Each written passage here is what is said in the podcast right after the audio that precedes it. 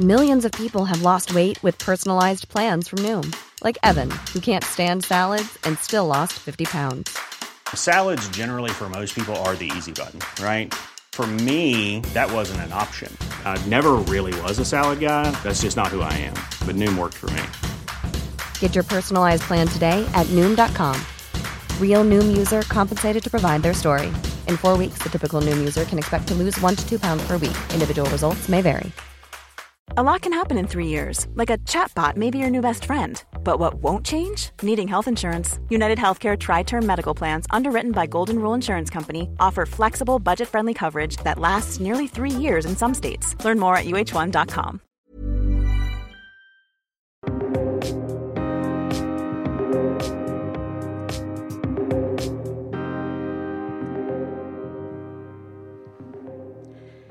alla poddlyssnare och eh, välkomna till Jag är modig. Den här veckan så har vi en gäst och det är författaren Ann Liljeroth. Hej Ann och varmt välkommen till Jag är modig. Hej Pia! Tack för att jag får vara med. Ja men det är ju andra gången du är med. Det är så roligt för du var ju faktiskt en av våra första gäster. 2019 var du med. Ja, det är länge sedan. Är det fyra år sedan? Tiden går. Ja. Och då pratade vi om din bok Jag kan inte sluta gråta som handlar om eh, utmattningssyndrom var det va? Mm, det stämmer. Men idag ska vi prata om någonting helt annat. Vi ska prata om din nya bok Hela mitt hjärta. Och det är ju din åttonde roman. Wow! Det är stort. Ja, det känns eh, overkligt faktiskt att det har blivit så många. Och den här boken är ju helt, helt fantastisk. Och den sätter igång så mycket tankar. Och varför sätter den igång så mycket tankar och funderingar och allting? Jo, därför att den handlar ju om eh, en mammas absolut värsta mardröm och det är ju att tappa kontakten med sina barn. Mm. Sina vuxna barn. Och jag känner, jag läser den och som jag sa till dig, jag klarar inte av att sträckläsa den därför att den skapar så mycket tankar och funderingar och var tvungen att stanna upp och pausa lite grann och eh, sen gå tillbaka.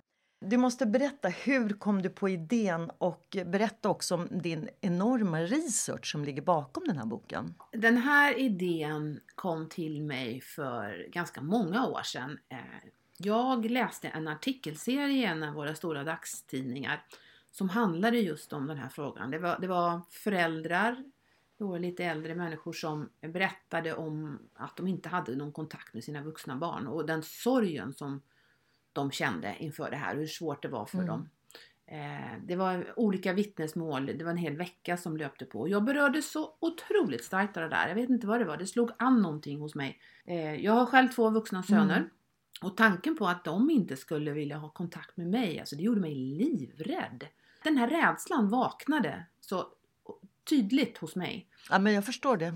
Och sen så kunde jag inte riktigt, jag släppte, kunde inte släppa tanken på de här vittnesmålen och eh, jag förundrades över hur, hur lite de här föräldrarna de, de förstod ju inte riktigt varför barnen hade eller tagit avstånd ifrån dem. Nej, nej. Och det där förvånade mig också. Mm. För om jag vore i den situationen så skulle jag ju vilja veta varför. Mm. Men kan det också vara en rädsla? Att man, inte, att, att man tycker det är så jobbigt så att man, liksom, man både vill veta men inte samtidigt vågar? Eller jag vet inte. Jag tror att det också kan vara ett eh, skydd på något sätt. Mm. Att man, eh, man inte vågar, alltså det är så mycket skam i det här Ja. naturligtvis. Och eh, att eh, säga att mina barn vill inte ha kontakt med mig. Och den skammen bottnar ju i att de, eftersom det är barnen som har brutit kontakten så måste det ju vara mig det är Mm. fel på. Eh, Jag, jaget då, när föräldern har gjort någonting fel. Och att erkänna det kanske sitter väldigt, väldigt djupt. Man måste ju liksom börja grunda i sig själv vad orsaken är istället för att man kan liksom inte skjuta över den orsaken Nej. på barnen. Och den är ju väldigt jobbig. Jättejobbig att ta i. Mm. Alltså man har ju själv säkert väldigt svårt att hantera och dessutom berätta det för någon. Det är ju liksom ännu värre. Det är ett stort misslyckande. Va? Och jag kan tänka mig då att man hittar eh, liksom ursäkten. Nej, men du vet, de jobbar så mycket eller de är där och där inför andra och kanske också för en själv för sig själv också. Absolut. Eller kanske till och med döljer det som vissa föräldrar hade gjort. Som hade, någon berättade hur han, eller hon, kommer inte ihåg om det var, eh, hade ljugit om att man hade kontakt med sina barn därför man inte orkade berätta för sin omgivning hur illa det var. Nej. berätta lite grann om de här karaktärerna. För det handlar ju om, alltså huvudpersonen i boken ska vi säga, det är mamma Livia och sen har ju hon tre vuxna barn. Mm. Och så finns ju också hennes exman med, alltså barnens pappa berättar du ju också om. Och vi kan ju säga att varje, varje kapitel är ju antingen mamma Livias berättelse och sen så kommer ju barnen med sina olika, eller hur de har upplevt det. Mm. Berätta lite grann om, om karaktärerna i boken.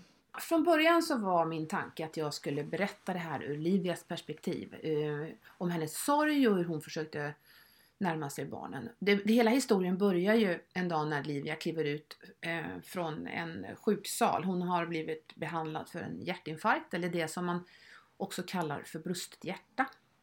Eh, mm. Och känner väl att hon vill göra en ny start i livet och hon saknar ju sina barn något så fruktansvärt i det här tillfället.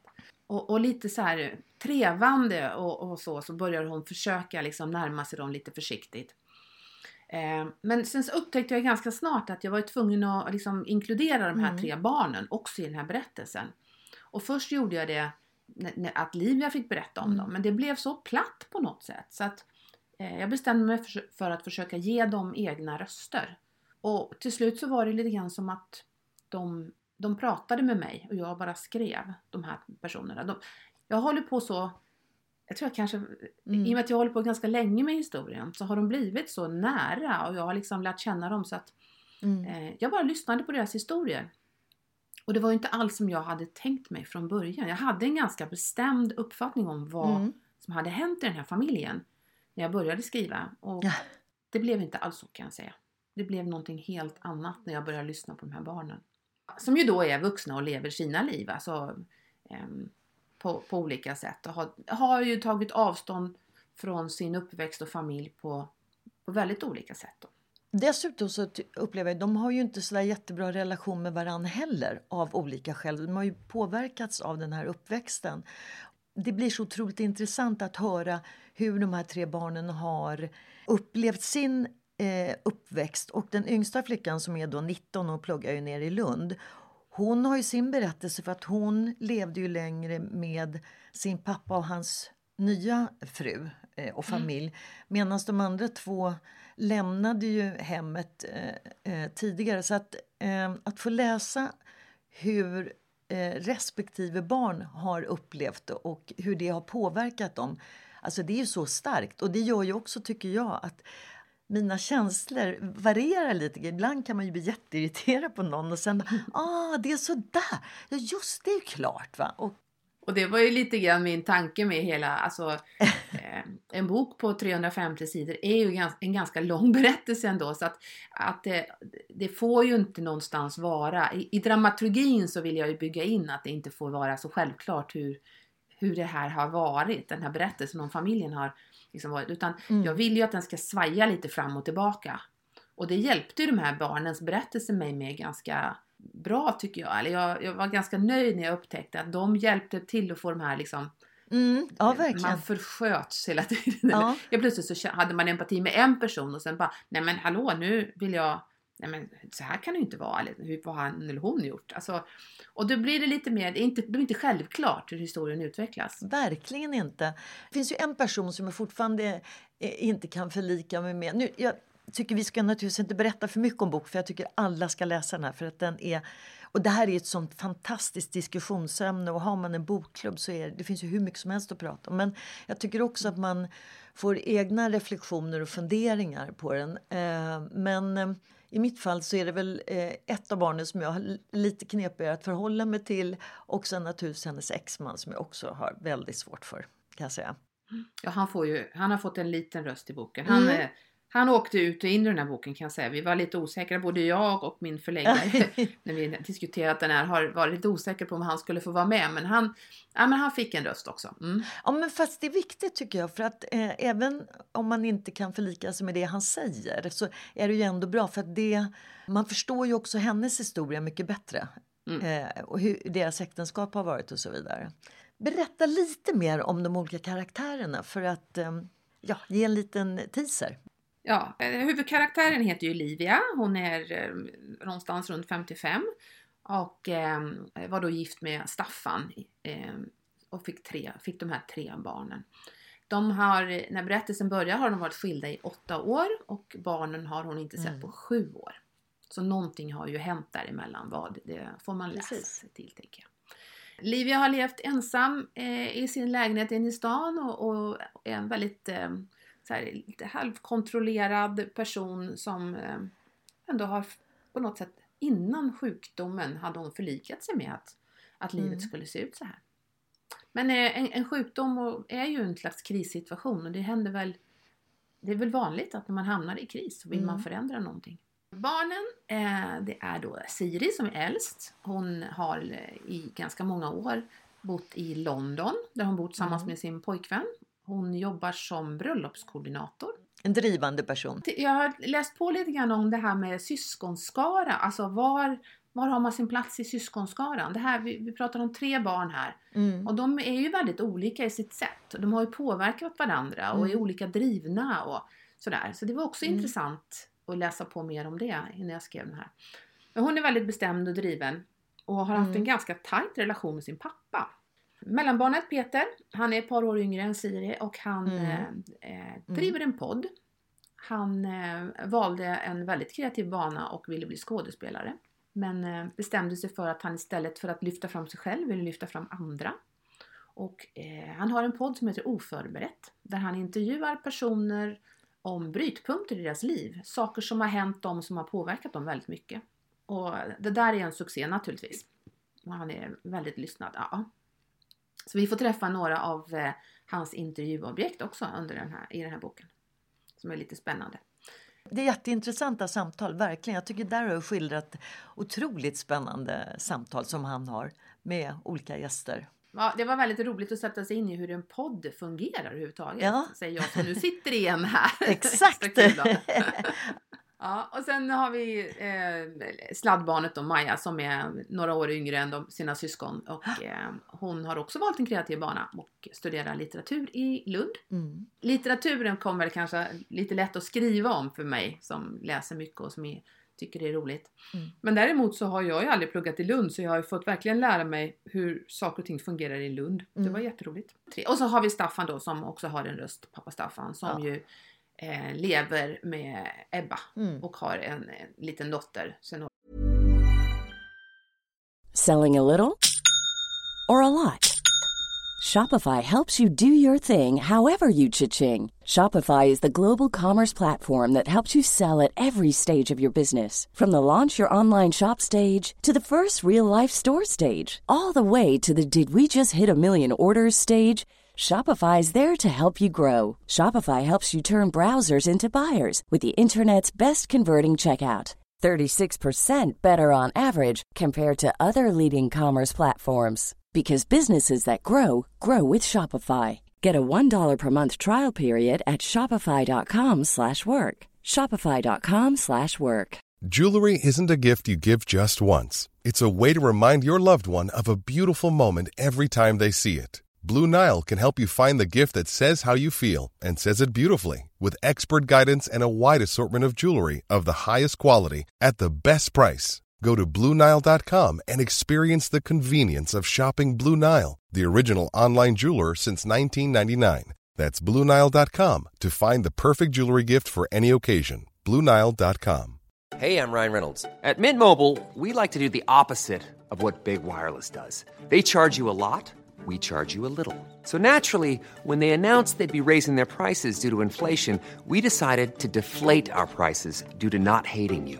That's right. We're cutting the price of Mint Unlimited from $30 a month to just $15 a month. Give it a try at mintmobile.com slash switch. $45 upfront for three months plus taxes and fees. Promo rate for new customers for limited time. Unlimited more than 40 gigabytes per month. Slows. Full terms at mintmobile.com. några år tillbaka. Då. Mm. Mm. När Livia blir utskriven ifrån sjukhuset så säger ju läkaren till henne nu det du har varit med om. Eh, det är ju väldigt allvarligt och du behöver verkligen hjälp. Så se till att du får hjälp av dina barn. Och då säger hon till läkaren att jo, ja visst, men det är ju inga problem. Eh, fast hon har ju Nej. ingen kontakt. Men det är ju också återigen det här visar ju då skulden och eh, skuld eller skammen att man inte har kontakt med sina barn. Så att inte ens inför läkaren så kan hon då säga att ja, som det är utan nej men det där löser sig, det är inga problem.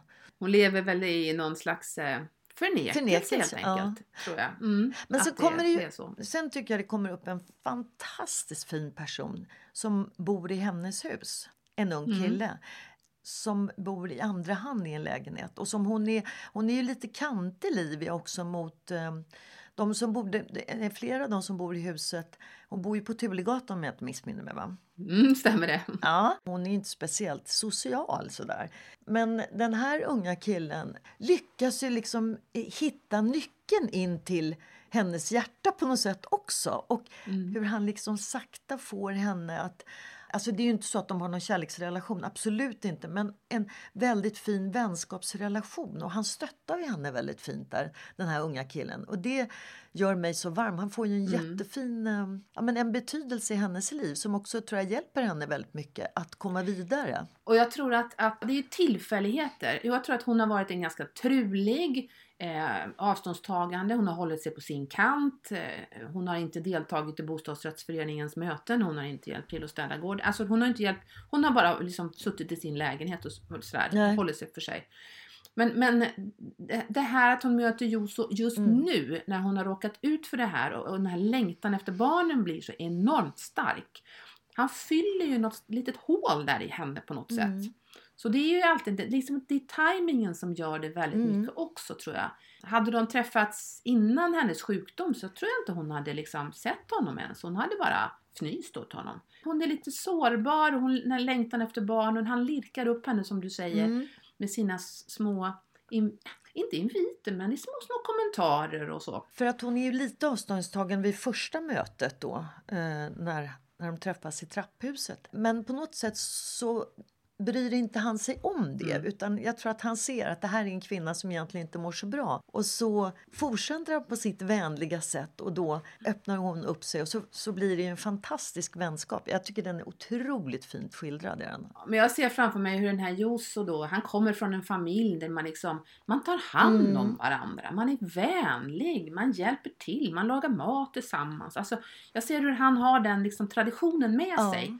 För honom är det självklart Ja. på något sätt att liksom fortsätta vara lite trevlig och bara. Och det räcker ju med den lilla trevnaden som han erbjuder i det här Ja. fallet. Så hon, hon lättar ju upp till slut. Jag tänker Mm. också, du har ju haft författarsamtal i hela Sverige. Upplever det som att du åkt runt. Det är hela Sverige, men jag har haft några hittills och ska ha några till här under våren. Hur är det att möta läsarna och, och vad säger de? Alltså, nu möter jag ju människor som inte har läst boken när man har de här. Utan det är liksom, man får berätta om boken. Mm. Men temat som sådant, det- det skapar så mycket diskussioner. Alltså det är så härligt, för folk är så engagerade och vill inte sluta prata. Mm. Nu senast var jag uppe i Lycksele, i bokhandeln där. Och Ja. vi var kanske ett eh, Ja. 20-tal kvinnor.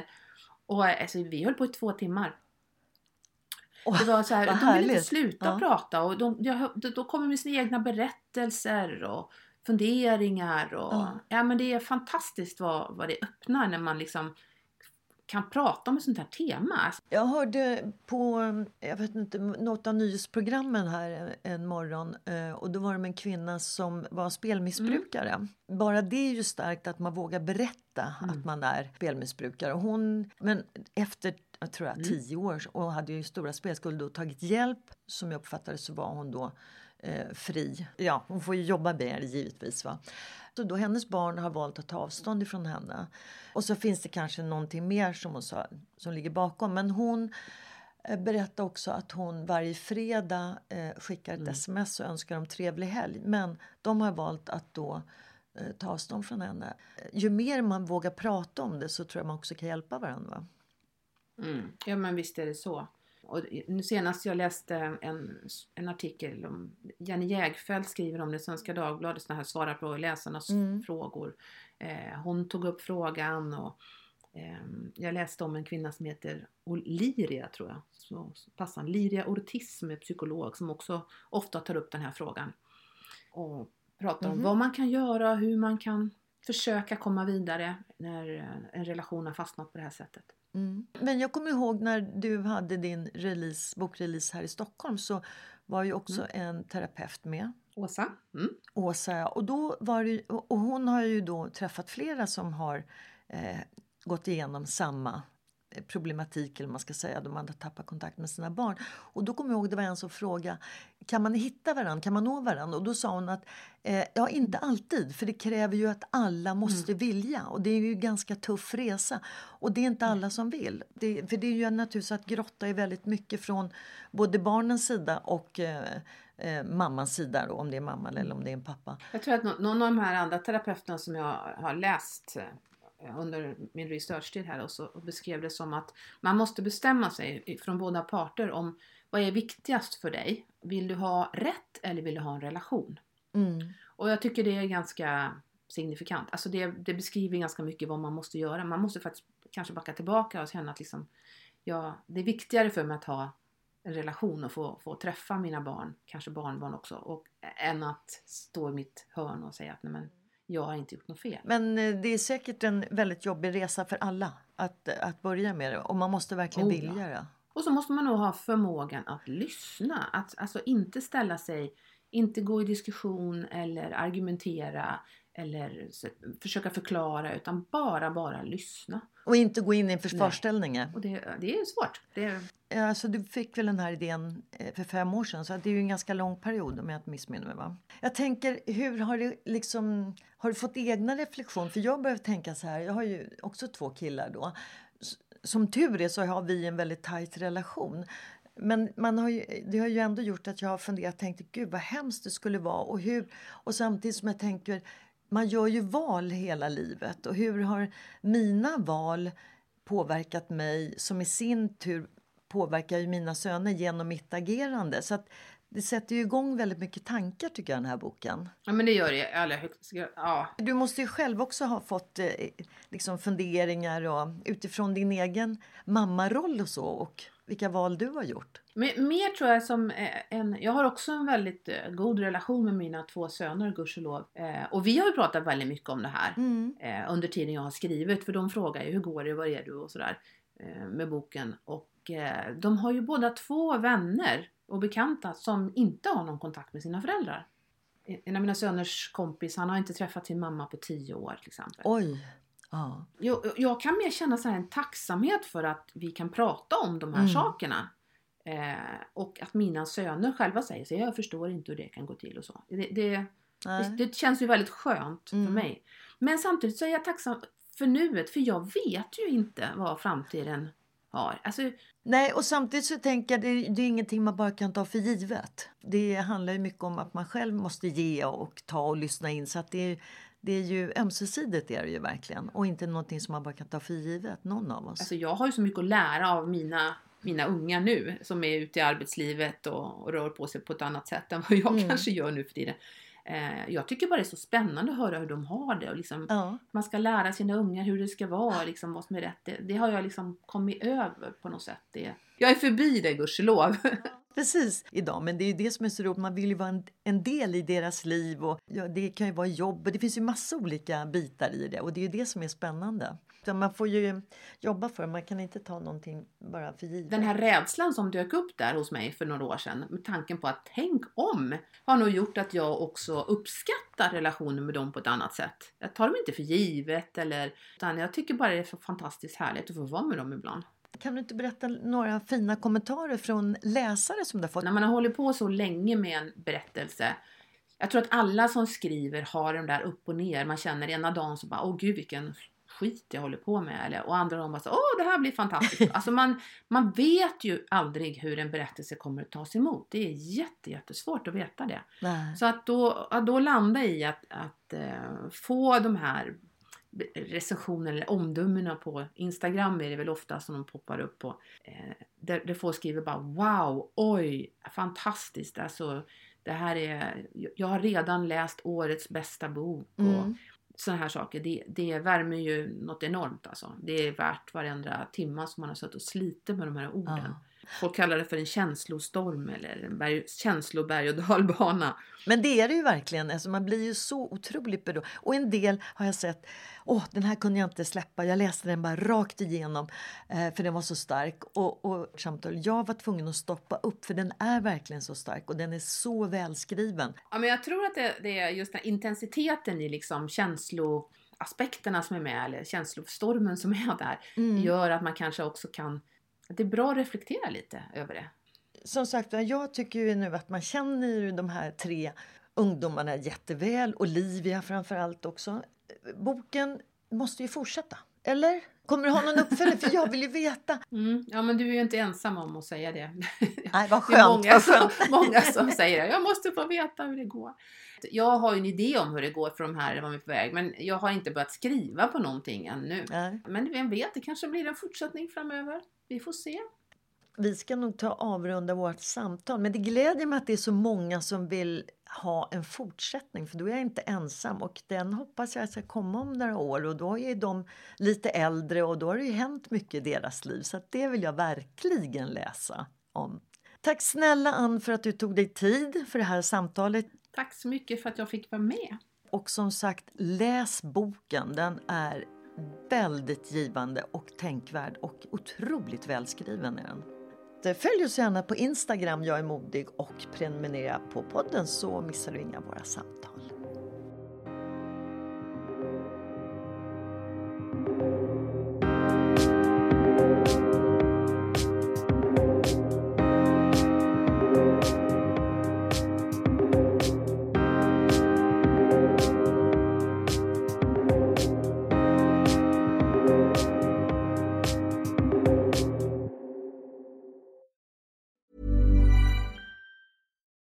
Deserves the best, and there's no better place to shop for Mother's Day than Whole Foods Market. They're your destination for unbeatable savings, from premium gifts to show-stopping flowers and irresistible desserts. Start by saving 33% with Prime on all body care and candles. Then get a 15-stem bunch of tulips for just $9.99 each with Prime. Round out Mom's menu with festive rosé, irresistible berry chantilly cake, and more special treats. Come celebrate Mother's Day at Whole Foods Market. Deserves the best, and there's no better place to shop for Mother's Day than Whole Foods Market. They're your destination for unbeatable savings, from premium gifts to show-stopping flowers and irresistible desserts. Start by saving 33% with Prime on all body care and candles. Then get a 15-stem bunch of tulips for just $9.99 each with Prime. Round out Mom's menu with festive rosé, irresistible berry chantilly cake, and more special treats. Come celebrate Mother's Day at Whole Foods Market.